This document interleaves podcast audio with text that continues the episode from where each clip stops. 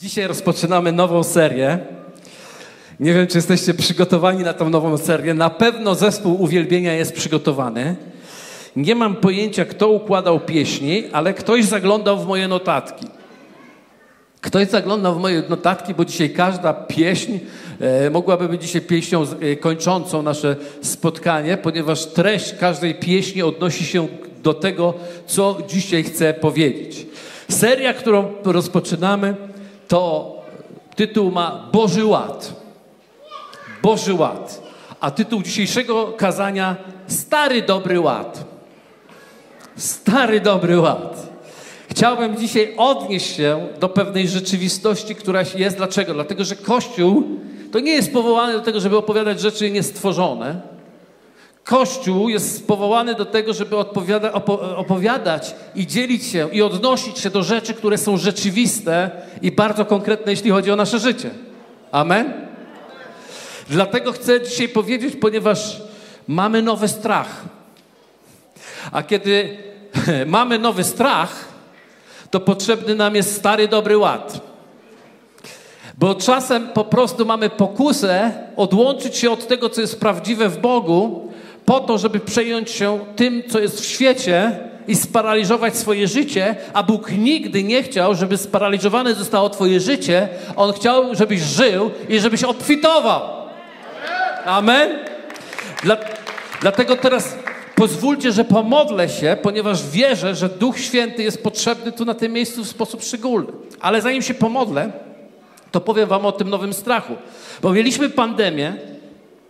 Ktoś pamięta pandemię? Przed wojną. Naprawdę była przed wojną. Pandemia była przed wojną. Po pandemii przyszła wojna. Ona zakończyła pandemię, a rozpoczęła się wojna. A teraz, po, jakby w trakcie wojny, pojawia się inflacja, pojawia się ekonomiczny kryzys i to nie taki chwilowy i mały, tylko po prostu yy, ogólno, globalny niemalże. I zaledwie wczoraj mogliśmy słyszeć kolejne rzeczy, bo już słyszeliśmy o stopach procentowych. Wszyscy, którzy mają kredyty, czują temat. Amen.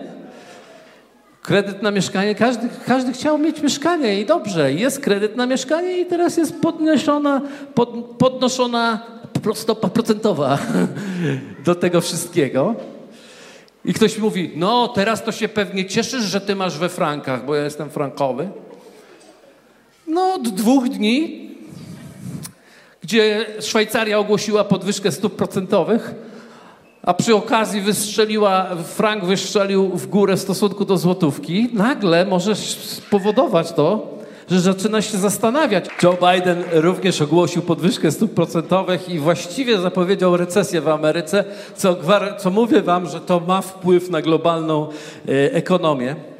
I, I dzisiaj to nie jest tylko kwestia dla wielu tutaj, nawet tu obecnych, to nie jest tylko kwestia zaciśnięcia pasa, to jest kwestia, że już żeśmy się znaleźli w tarapatach finansowych. Nie zacząłem z nadzieją, prawda? Przypomniałem, co wiadomości od dłuższego czasu mówią, chociaż największą poradę i zachętę mam taką, żebyśmy wyłączyli wiadomości i otworzyli Biblię, a ona będzie nas kształtować. Natomiast pytanie jest takie, Skoro tak jest w tym świecie, to czy jest jakaś Boża odpowiedź na daną sytuację? Czy jest Boża odpowiedź? Amen. Więc Duchu Święty, bo chodzi nam o to, nie żebyśmy ją przyjęli do głowy tylko, do, do naszego sposobu jakby analizy, kolejnej analizy, męczącej analizy w swoim życiu, ale żebyśmy przyjęli odpowiedź na poziomie ducha żeby to, co będzie w nas utwierdzone, nie było zachwiane i żebyśmy mogli oddychać dobrze, żyć dobrze, poruszać się dobrze, obfitować i błogosławić innych. Amen? Dlatego Duchu Święty zapraszam Cię teraz, aby to, co będzie wypowiedziane w, moc, w Słowie Bożym, żeby wypowiedziane zostało w mocy i żeby każde serce na tym miejscu otworzyło się na działanie Boże, abyśmy mogli przyjąć Bożą perspektywę i abyśmy mogli się w niej poruszać i w niej żyć i w niej być w imieniu Jezusa Chrystusa. Amen. Amen. Słuchajcie, czy jest zatem jakaś Boża odpowiedź na ten czas? Oczywiście, że jest i, i chciałbym e, na początku od razu powiedzieć, że nie chcę w ogóle zaprzeczać rzeczywistości. No nawet chyba początek dzisiejszego mojego przekazu wcale nie jest zaprzeczeniem rzeczywistości. E, jeszcze jest bardzo ciekawa rzecz, którą powiedział e, Joe Biden. Mówiąc o tym, że szykuje się e, właśnie podwyżka stóp procentowych i tak dalej, próbował pocieszać, ale na końcu powiedział takie słowo: It's bad. Jest źle. Więc nie chcę zaprzeczać, że świat jest i znalazł się w tarapatach. I też nie chcę zaprzeczać, że my w tym świecie nie żyjemy. My jesteśmy w tym świecie, więc doświadczamy elementów związanych z tym światem. On nas dotyka. Ale moje pytanie jest do Was dzisiaj: czy chcecie usłyszeć Bożą odpowiedź i chcecie znaleźć to koło ratunkowe, które jest z Bożego punktu widzenia, abyśmy mogli normalnie funkcjonować, bo ja osobiście nie wiem jak wy, mam dość strachów i nie chcę podążać za kolejnym lękiem czy strachem. Amen? Więc kochani, zaczniemy. Po pierwsze, chyba najważniejsze to jest to, świat zawsze będzie miał tendencje upadkowe. Musimy to zrozumieć. Świat zawsze będzie miał tendencje upadkowe, dlatego ty zdecydowałeś się powierzyć swoje życie Bogu, aby podążać za Jego drogą, za Jego planem i za Jego sposobem życia. Tak jak Paweł powiedział, zdecydowaliście się pójść za moim sposobem życia. Jest pewien sposób życia, który jest inny od tego świata, i życie z Bogiem jest wolnością od tego świata. Życie z Bogiem jest wolnością od tego świata. Niemniej jednak, my doświadczamy pewnej rzeczywistości polegającej na tym, że kiedy dotyka świat, nieraz jesteśmy takimi niciami połączonymi z tym światem, że to nagle próbuje dotknąć nas. I wiecie, nie chodzi o to, że masz odcinać te nici, ja tylko chcę powiedzieć o to, że masz jeden sznur, którego też powinieneś się trzymać. To jest Boża obietnica i Boża moc, która jest dla ciebie. I chcę wam powiedzieć pewną rzeczywistość, którą zapowiedział Jan Apostoł w swoim objawieniu. Mowa tutaj o objawieniu Jana, których pewnie nie zaglądacie za często, ale przeczytam wam pewien fragment z tłumaczenia tysiąclatki, bo bardzo fajnie to pasuje. Objawienia 22:11 jest tak powiedziane. Tam jest podany fragment, kto krzywdzi, zaczyna się. Posłuchajcie. Kto krzywdzi, niech jeszcze krzywdę wyrządzi. I plugawy niech się jeszcze splugawi. A sprawiedliwy niech jeszcze wypełni sprawiedliwość, a święty niechaj się jeszcze uświęci. Ktoś może powiedzieć, o co chodzi w tym fragmencie? O to chodzi, że rzeczywistość duchowa jest taka. Świat się zawsze będzie psuł, Królestwo Boże będzie zawsze wzrastało i rozwijało się i wchodziło w większe błogosławieństwo. Więc kiedy świat się plugawi, to jest coś, co Bóg zapowiedział już dawno. On będzie zawsze miał tendencje upadkowe. Jak bardzo byśmy cywilizację nie rozwijali, nie ma na to pomysłu, żeby wprowadzić świat w błogosławieństwo ludzkimi sposobami. Nie ma. W związku z tym świat będzie zawsze miał tendencje upadkowe, a królestwo w tym czasie, w tym samym czasie, Bożym czasie, królestwo Boże będzie miało zawsze tendencje wzrostowe. Jesteście ze mną? I teraz, teraz posłuchajcie, co się dzieje. Kiedy świat zaczyna mieć tendencje upadkowe, coś jest niehalo z nami, ponieważ my razem z nim, jakbyśmy wciągani byli w ten żwir. To, do czego nas Bóg chce doprowadzić, ktoś mi tu dymu narobił, to, co tu Bóg chce doprowadzić w naszym życiu, to to, żebyśmy byli oderwani z tej rzeczywistości i weszli w rzeczywistość Bożego Królestwa, dlatego że my nie jesteśmy stamtąd, my jesteśmy stąd. Sygnał słabości tego woła o wielkość tego. Ja nie wiem, czy ja do Was przemawiam. Może do nich powiem. Sygnał słabości tego mówi o wielkości tego.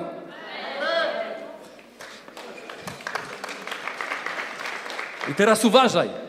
Ty jesteś tam zapisany. Nie tu.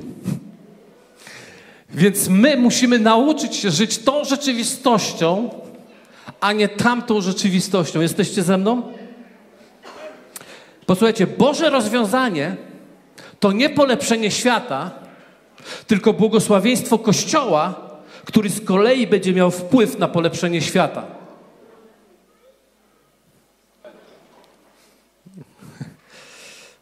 Ludzie, jeszcze raz. Bóg przychodzi z rozwiązaniem do tego świata. Nie do Kościoła przez rozwiązanie świata wprowadzi błogosławieństwo, ale przez Kościół, w który wprowadzi błogosławieństwo, przyniesie rozwiązanie dla świata. Jesteście ze mną?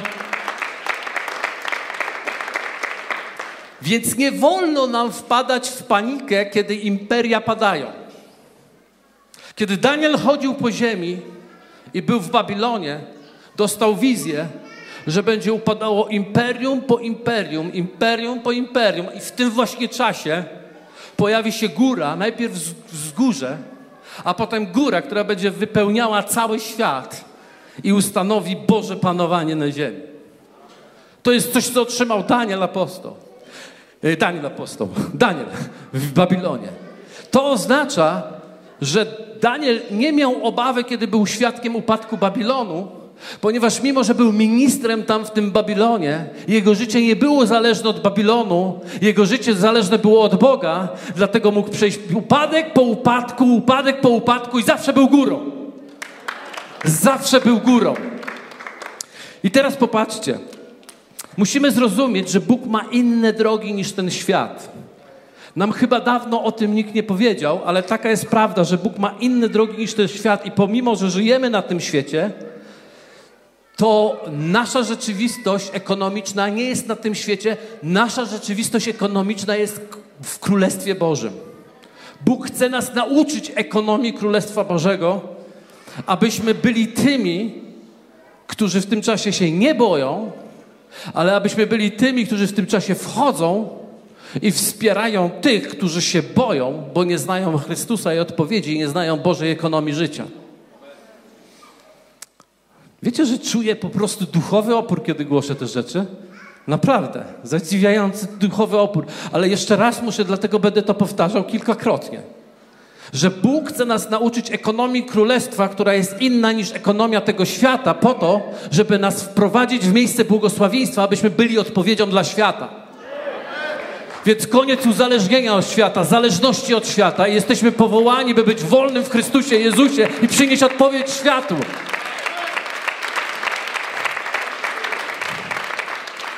Ekonomia Królestwa Bożego jest całkiem inna niż ekonomia tego świata. Może Pan Bóg nie zmieni stóp procentowych w naszym kraju, ani w Szwajcarii też nie zmieni, ale na pewno może nas zmienić i zaopatrzyć i uczynić obfytymi w środku ogólnoświatowego głodu. Wierzycie w to? Wiecie, w Biblii jest wielu, wiele momentów głodu. Ale Bóg zawsze mówi jedno. Posłuchajcie, jeden fragment, który mnie dziś poruszył, który pomyślałem sobie, przeczytam go. Po, po, popatrzcie. Pierwszy Samuela 2 od 7 do 8 mówi tak. Pan zubłaża, ale i wzbogaca. Poniża, ale i wywyższa. I teraz uważajcie. Wywodzi z prochu biedaka, podnosi ze śmietniska ubogiego, aby go posadzić z dostojnikami przyznając, przyznać mu krzesło zaszczytne, albowiem do Pana należą supy ziemi. On na nich położył ląd stały. Słyszycie to? To nie głód powoduje ubóstwo. To Pan. To nie obfitość powoduje bogactwo. To Pan. Więc Pan ma możliwość z każdego miejsca wyciągnąć Twoje życie i wprowadzić je w miejsce dostojników. O tym mówi Słowo Boże. I Biblia zna kilka głodów. Ja jestem zadziwiony, kiedy zacząłem się zastanawiać i obserwowałem kryzysy w Biblii. I to jest niesamowite, bo za każdym razem, posłuchajcie mnie, ja mówię to naprawdę pełen świadomości. Za każdym razem, kiedy przychodził kryzys, głód na świat, to był zawsze moment, który Bóg chciał szczególnie pobłogosławić tych, którzy są Jego. Ci, którzy trzymali się ekonomii tego świata, poszli z ekonomią tego świata, ale ci, którzy ufali Bogu w środku kryzysu ekonomicznego, wzrastali, rozwijali się i wychodzili z wielką obfitością i błogosławieństwem. Jedną z pierwszych sytuacji, które czytamy, to jest Abraham, który, który, który w pewnym momencie swojej podróży, powołania, zobaczcie, on został powołany z Ur Chaldejskiego, tam chociaż trochę do dzieci można coś tam powiedzieć, tam choć troszeczkę, bo, bo one już mnie przykrzykują, a ja mam nagłośnienie. Więc, e, więc kiedy Abraham był wyprowadzony z Ur wolą Bożą i w tej woli Bożej podążał, zobaczcie, w tym czasie, kiedy podążał woli Bożej, jest powiedziane, nadszedł głód. Okazuje się, że głód może nadejść nie dlatego, że gdzieś ktoś się coś pomyli, trafi niewłaściwe miejsce albo nie podąża za Bogiem. On po, no, po prostu się pojawia i znika. Pamiętacie chociażby tą historię, kiedy Józef był w Egipcie i, i dostał sen i mówi tak, siedem lat będzie obfitości, ale taki, że normalnie szok. Wszyscy będą po prostu opływać w mleko i miód. Ale potem będzie siedem lat głodu. Więc okazuje się, że obfitość z jakiegoś powodu przychodzi w tym świecie i obfitość z jakiegoś powodu odchodzi z tego świata. Chcemy znaleźć zawsze winnego, zawsze kogoś tam nazwiemy z imienia i nazwiska, kto za co odpowiada, ale ja bym nie szedł w tym kierunku. Ja wiem jedno, czasami będziemy żyli w świecie, który coś przynosi, coś ma, a czasami będziemy żyli w świecie, gdzie będzie dużo braku. Czasami będziemy y, zajeżdżali na stację benzynową i popatrzymy ze zdumieniem, że jest za 3,80 bo niedawno była tak. I, po, I potem czasami wyjdziemy i popatrzymy ze zdumieniem, że jest za 8.30. Więc momenty są przeróżne, ale łaska Pana trwa na wieki. Bóg jest stabilny. I kiedy tak w taki sposób po prostu przychodzą takie rzeczy i odchodzą, wtedy Abraham udał się do Egiptu. To była naturalna rzecz, żeby się udał do Egiptu. I pamiętacie tą historię? On powiedział do swojej żony Sarej, ty nie przyznawaj się, że jesteś moją żoną, Teges bo mnie zabiją. I okazało się, że to dziwne nawet zachowanie i nieuczciwe zachowanie doprowadziło w konsekwencji do tego, że król Egiptu wyposażył Abrahama we wszystko tak, że był bogaty jak bogaty. I stamtąd odszedł. Ale po pewnym czasie, kiedy urodził syna i któremu nadał imię Izaak, była taka historia, posłuchajcie, ona jest niesamowita. Historia Izaaka. Pierwsza Mojżeszowa, 26, od, najpierw od 1 do 6 przeczytajmy. Potem nastał głód w kraju. Inny niż ów pierwszy głód, który był za czasów Abrahama. I poszedł Izaak do Abimelecha, króla filistyńskiego, do Geraru. Wtedy ukazał mu się Pan i rzekł, nie chodź do Egiptu, ale mieszkaj w kraju, o którym ci powiem. Mieszkaj jako gość w tym kraju, a ja będę z tobą i będę ci błogosławił, gdyż, gdyż tobie i potomstwu twemu dam te wszystkie kraje i dochowam przysięgi, którą dałem Abrahamowi, ojcu twemu. Rozmnożę potomstwo Twoje jak gwiazdy na niebie i dam potomstwu Twemu wszystkie te kraje, a wszystkie narody ziemi będą błogosławione przez potomstwo Twoje. Dlatego, że Abraham był posłuszny głosowi mojemu i strzegł tego, co mu poleciłem, przykazań moich, przepisów moich i praw moich i zamieszkał Izaak w Gerarze. Dzisiaj mamy tam bitwę. Zamieszkał Izaak w Gerarze. To jest bardzo ciekawe. Wiecie, lubimy wszyscy, będę błogosławił Tobie, będę z Tobą. Lubimy te wszystkie słowa, ale wiecie, że jak się e, otwierasz e, rachunki i zaczyna Ci się mniej zgadzać wszystkiego, to, to wiecie, że takie słowa trochę brzmią jak takie no nie chcesz temu przeciwstawić się temu, ale chcesz, no, dzisiaj o czymś innym porozmawiajmy. Bo ja, ja dzisiaj wypowiedziałem i będziesz błogosławiony i będziesz obfitował, no to takie było, Rodziliśmy. Rodziliśmy. Dlaczego? Dlatego, że po prostu kiedy, kiedy mówią ci takie dobre słowa, to jest ciekawe, może wyjść Joe Biden, muszę się zastanowić dwa razy, i powiedzieć it's bad. Jakoś łatwiej to usłyszeć niż it's good. W takiej sytuacji. Dlaczego? Dlatego, że lęk nie pozwala i nie godzi się na słowa wiary na wypowiedzenie słów wiary. Nie lubimy, żeby w naszym sercu zrodziły się słowa wiary. Nagle Izaak słyszy, mówi tak, żebyście zrozumieli o co chodzi. On był głód, zrobił dokładnie co jego ojciec. Wziął wszystko, co miał i zmierzał do, do Egiptu. Bo to było miejsce, centrum całego tego po prostu ekonomiczne. Tam jeszcze można było przetrwać. Idąc tam, doszedł do Geraru i tam w tym Gerarze Bóg do niego powiedział: Nie, nie idź do Egiptu. Nie idź do Egiptu. Zrobisz to, co ja ci powiem, bo kiedy ja ci powiem, to będziesz błogosławiony i mało tego, te błogosławieństwo będzie wylewało się na wszystkie te kraje wokół ciebie, które są. I z jakiegoś powodu Izaak, myślę, że z powodu wiary i zaufania Bogu, pozostał w tym miejscu i powiedział: Dobra, to ja nigdzie nie idę. Zrobię dokładnie to, co ty mówisz, żebym zrobił. I posłuchajcie tak. I w tym samym rozdziale 26-12 Izaak został w Gerarze i uwaga. Izaak siał w owej ziemi i zebrał w tym roku stokrotne plony, bo Pan mu błogosławił. Pozwólcie, że wam wyjaśnię, że głód w kraju polegał na tym, że pola nie obradzały, że nie było żniwa, że był moment, w którym było tego za mało w porównaniu do potrzeb, które były, dlatego pojawiał się głód. A Bóg mu kazał zostać w tym miejscu, gdzie tego żniwa nie było, i, a on siał w tej ziemi. I w tym roku zebrał stukrotny plon. A przecież wiemy z Biblii, że można zebrać trzydziestokrotny plon, można zebrać sześćdziesięciokrotny plon, można zebrać stukrotny plon. Więc w najgorszym wypadku, jak się ma plony dobre, to możesz mieć 30%. Natomiast on w czasie głodu, w czasie suszy, w czasie, kiedy nikt nie miał na jedzenie, on siał i w tym czasie zebrał stukrotny plon. Dlaczego? Dlatego, że zrobił to, co Pan mu powiedział, żeby zrobić i powiedział, to nie deszcz, to nie ziemia obfita, ale Pan mu błogosławił, a to czyni różnicę. A to czyni różnicę. I zobaczcie, Izak siał w owej ziemi i zebrał w tym roku stokrotne plony, bo Pan mu błogosławił. I zbogacił się ten mąż. I coraz bardziej się bogacił, tak że stał się bardzo zamożny. Miał on stada owiec, stada bydła i liczną służbę i zazdrościli mu Filistyńczycy. Tak mu zazdrościli, że zaczęli studnie zakopywać jego, żeby nie miał wody. Niesamowita historia. To się stało z Abrahamem wcześniej, to się stało z Izaakiem później. To wszyscy, którzy znają historię Józefa, wiedzą, jak rodzina Józefa wylądowała. Dlaczego?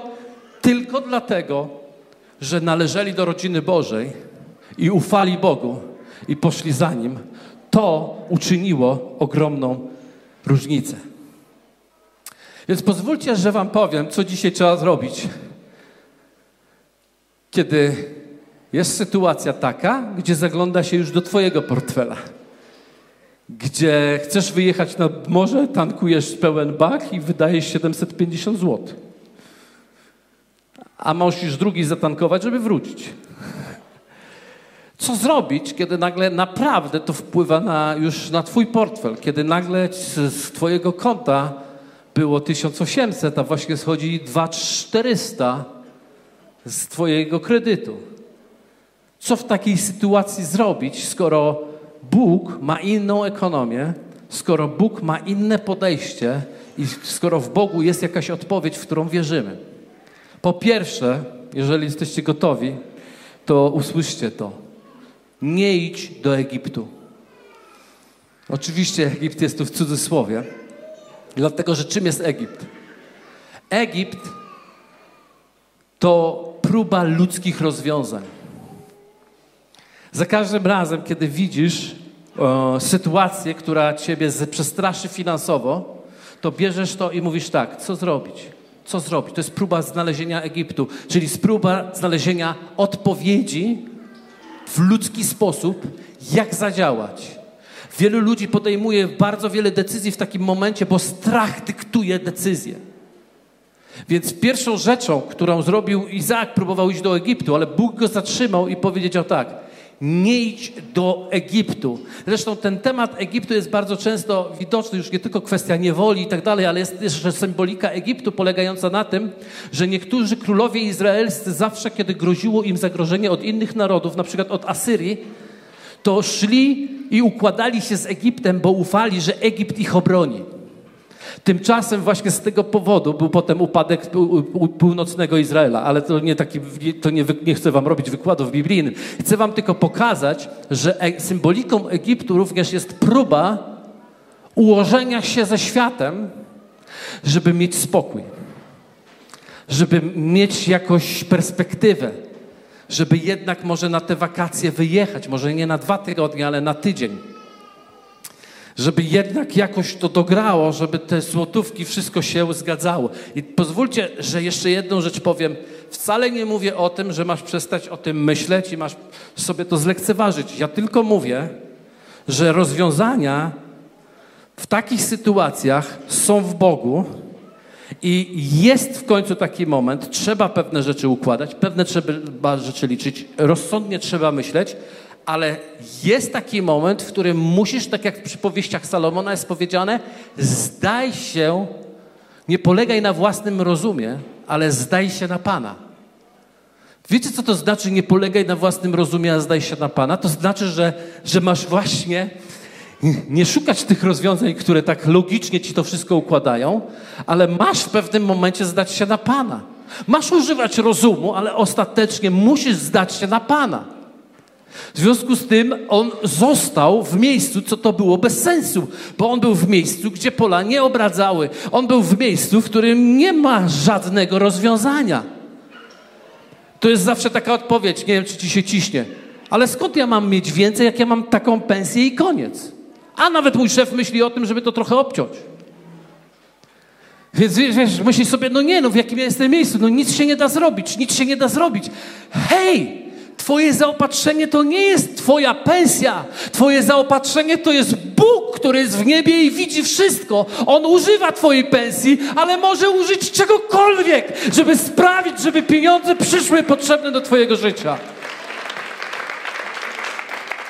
Więc nie Egipt jest Twoim zaopatrzeniem, ale Bóg jest Twoim zaopatrzeniem.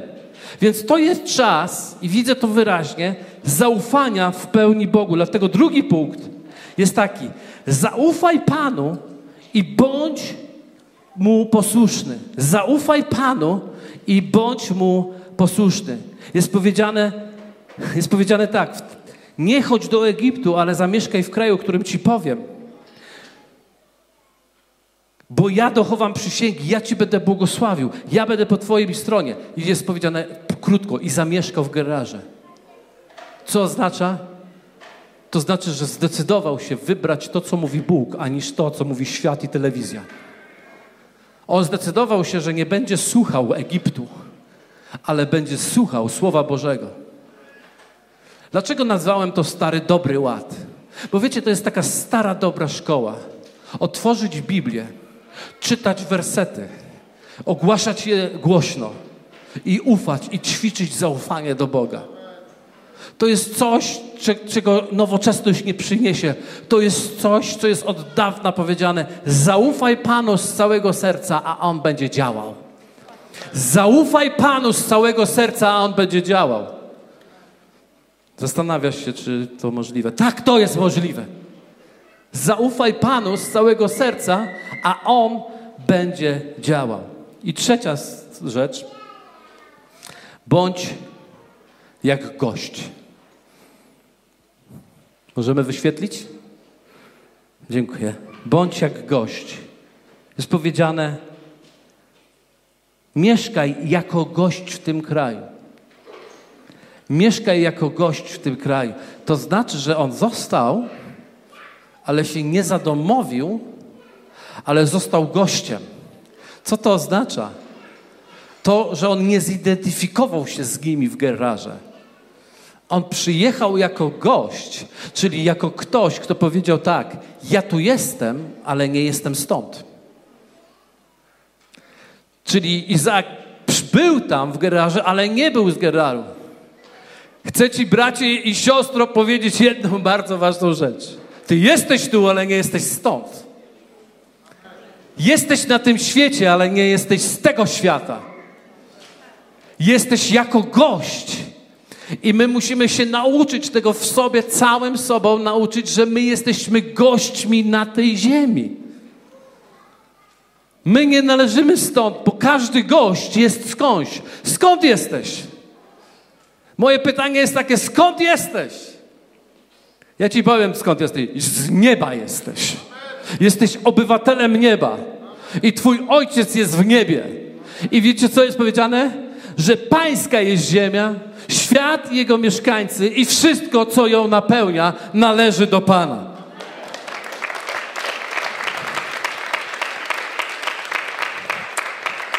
Ty jesteś Jego dzieckiem.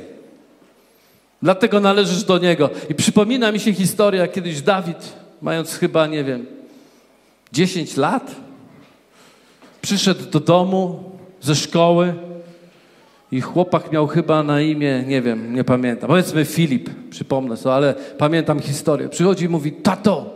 Ja mówię, co? Tato, Filip jest bogaty. Ja mówię, super, ale jak to możliwe, że on jest bogaty? Ma ojca, który zarabia 10 tysięcy. Wiecie, w tamtych latach, bo to było trochę temu, 10 tysięcy miało swoje znaczenie. Ale nie to mnie dotykało, bo wiadomo, że tam w korporacji, ale bogaty. No. Za większa pensja, większy kredyt na pewno, ale nieważne. W każdym bądź razie, jedna rzecz mnie dotknęła. To dziecko, to dziecko, wiedząc, że jego ojciec ma, mówi: Ja mam.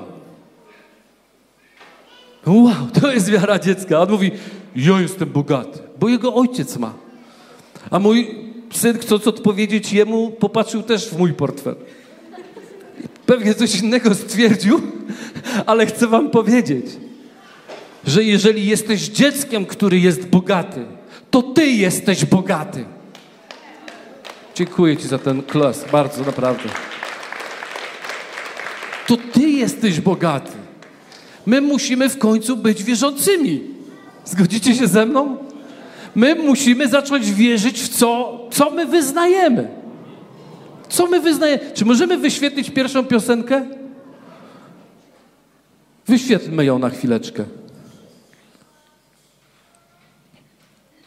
Alo? Dobra, za chwilę pewnie ją wyświetlimy. Zaufaj.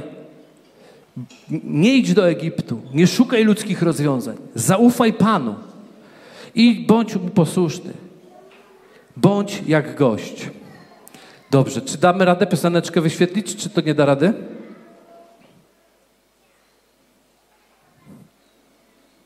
Okej, okay, wyłączyło się coś. Dobra. Chciałbym pokazać Wam jeszcze jedną rzecz. Kaznodziei Salomona, 11 wers, rozdział 4 do 6 mówi tak. Kto zważa na wiatr, nigdy nie będzie siał, a kto patrzy na chmury, nie będzie żoł. Jak nie wiesz, dokąd wiatr wieje, jak, jak kształtują się kości w łonie brzemiennej, tak nie znasz dzieła Boga, który wszystko czyni. Z rana siej swoje nasienie, a niech nie spoczywa Twoja ręka do wieczora, bo nie wiesz, czy uda się to, czy tamto, lub czy jedno i drugie jednakowo wypadną. Słuchajcie, jesteśmy w Bożym Królestwie, dlatego wiatry i okoliczności nas nie mogą zatrzymać, bo wielkie są dzieła Boże. Ktoś musi zacząć w końcu ufać Bogu, że On zna sposoby i drogi do tego, aby uzupełnić to, co masz. Może świat będzie gorzej, ale Ty będziesz trzy razy lepiej i nadal będzie jeszcze lepiej. Mało tego, urośnie Twój autorytet tak, żeby, żeby inni mogli usłyszeć, co jest przyczyną tego, że u Ciebie dzieje się inaczej. Co jest przyczyną tego, że jesteś świadectwem tylko nie emocjonalnych przeżyć, ale jesteś świadectwem praktycznego życia funkcjonowania w obfitości, to spowoduje, że ludzie będą chcieli za tym podążać. Bo ktoś powie, no pieniądz nie jest ważny. Dla ludzi, dla ciebie, dla wszystkich jest tak ważny, że stanowi dzisiaj niestety czasami największe świadectwo. Dlatego zaufaj Bogu i nie patrz na wiatr, ale idź do przodu. Za wszystko przez co, posłuchajcie pieśni, które śpiewamy. Za wszystko przez co przeprowadziłeś mnie. Daję Ci chwałę i gotowym staję się. Idę do przodu, by naśladować Cię. Gdziekolwiek chcesz mnie gotowy, idę tam. Twa obecność to otwarte drzwi. Jak nigdy wcześniej pragniemy Jezu przyjść. Twa obecność to otwarte drzwi. Wołałem, wołamy Ciebie, Duchu Święty, przyjdź. W każdym sezonie, w każdym sezonie, w pandemii, w wojnie, w kryzysie ekonomicznym, Twa łaska co? Starczy mi. Wiarą wyznaję, że najlepsze zbliża się. Twój krzyż przede mną, w nadziei widzę, że to w Tobie, Jezu, najlepsze zbliża się. Najlepsze zbliża się.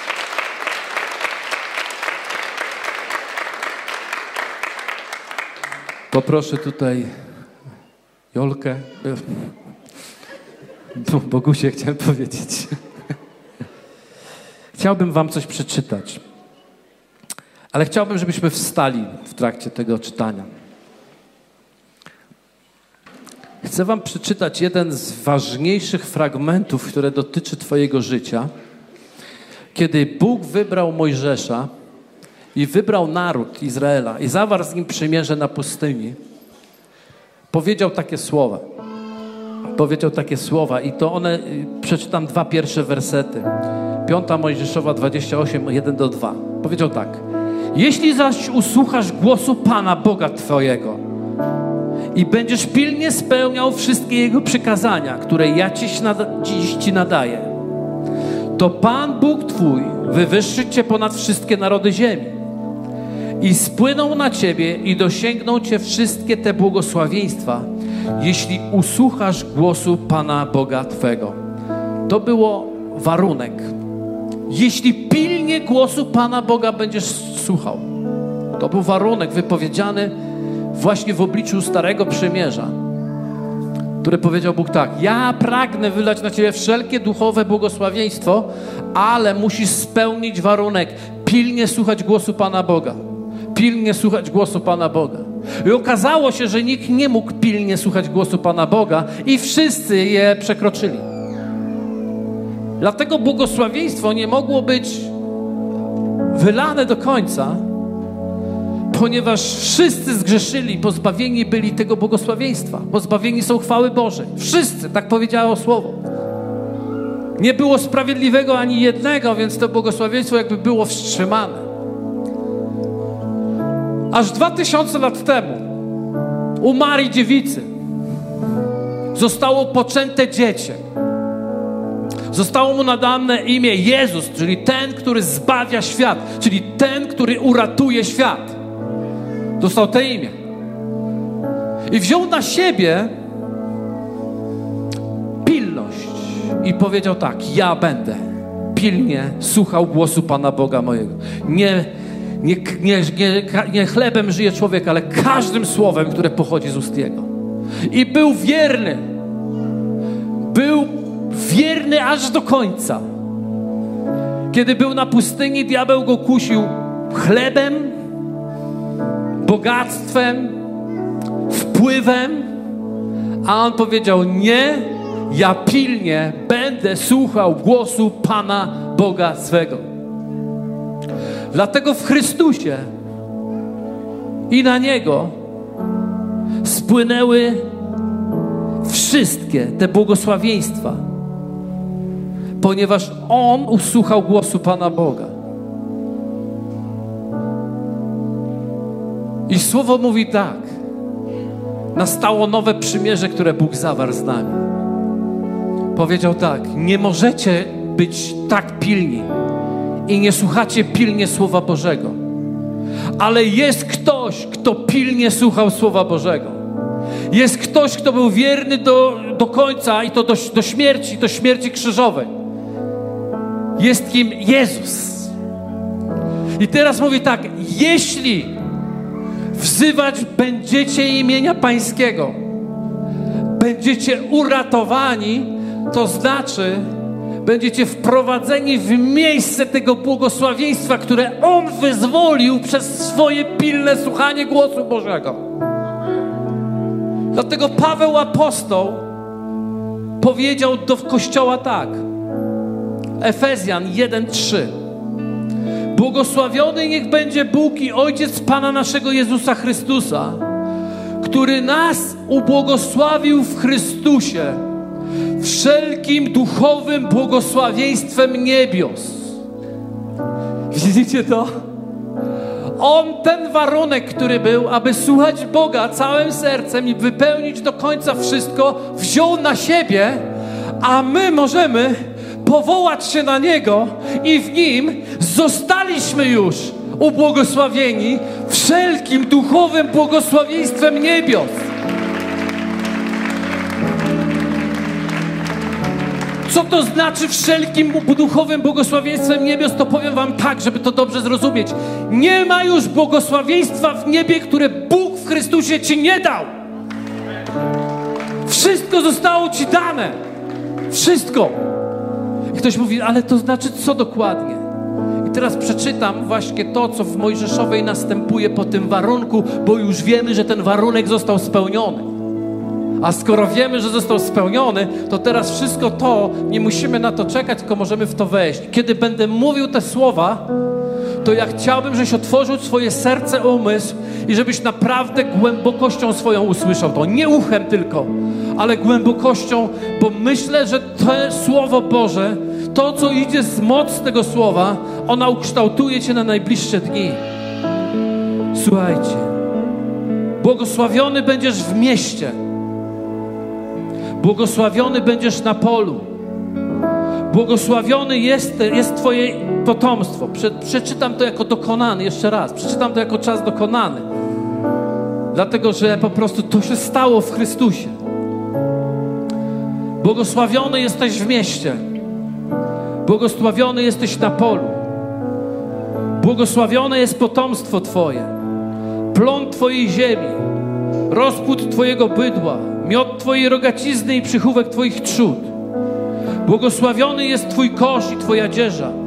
Błogosławione jest Twoje wejście i Twoje wyjście. Powalił Pan Twoich nieprzyjaciół, którzy powstawali przeciwko Tobie. Jedną drogą przyszli przeciwko Tobie, a siedmioma drogami uciekają przed Tobą. Pan nakazuje, aby było z Tobą błogosławieństwo w Twoich spichlerzach, w każdym przedsięwzięciu Twoich rąk. Pobłogosławił Cię na ziemi, którą daje Ci Pan Bóg Twój. Pan ustanowił Cię sobie jako lud święty, jak, tak jak Ci przysiągł, jeśli będziesz przestrzegał, jeśli przyjdziesz do Chrystusa, Pana, Boga Twego i chodził w Nim. I ujrzą wszystkie ludy ziemi, że imię Pana jest wzywane u Ciebie i będą się Ciebie bać. Ponad miarę obdarzyłem Cię dobrem w Twoim potomstwie, w rozpłodzie Twojego bydła, w plonach Twojej roli, na ziemi, co do której Pan przysiągł Twoim ojcom, że ją Ci oddaje. Otworzył Pan przed Tobą skarbiec swojego dobra, niebiosa, aby dawać deszcz na Twoją ziemię w czasie właściwym i aby błogosławić wszelką pracę Twoich rąk, tak, że błogosławiony będziesz, że będziesz mógł pożyczać wielu narodom, ale Ty sam nie będziesz musiał pożyczać. I uczyni Cię Pan głową, a nie ogonem. I jesteś zawsze tylko na górze, a nigdy nie będziesz na dole. Jeśli pójdziesz za Jezusem, jeśli będziesz przesłuchał przykazań Pana Boga Twojego, które ja dziś nadaję, aby ich pilnie strzegł. Nie odstąpisz ani na prawo, ani na lewo od żadnego ze słów, które ja Wam dziś nakazuję, po to, aby pójść za innymi bogami i im służyć. To się stało w Chrystusie. Więc jeśli będziesz należał do Chrystusa, całe to błogosławieństwo jest w Tobie. Całe to błogosławieństwo jest w Tobie.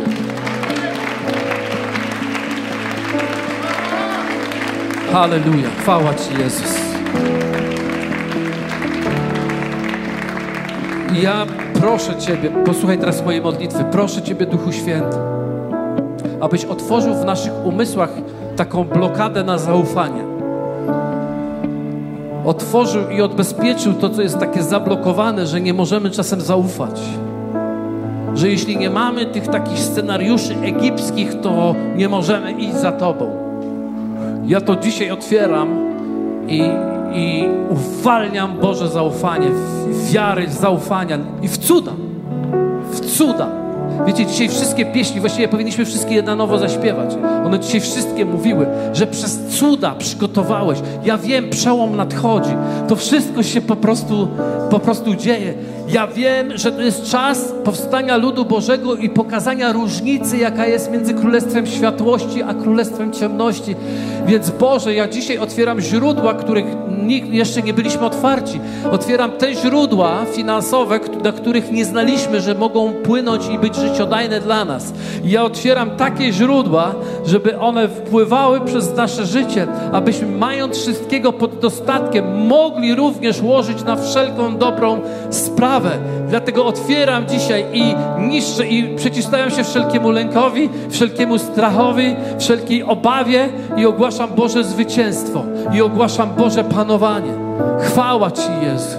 Chwała Ci Jezu. Przyjdź Duchu Święty. Dlatego Duchu Święty prosimy Cię, abyś dokonał całkowitego przełomu w moim życiu, w naszym życiu, abyśmy nie musieli trzymać się tego, co świat daje, ale abyśmy byli wolni od tego świata, bezpieczni i przynieśli światło temu światu w imieniu Jezusa Chrystusa. Amen. Amen.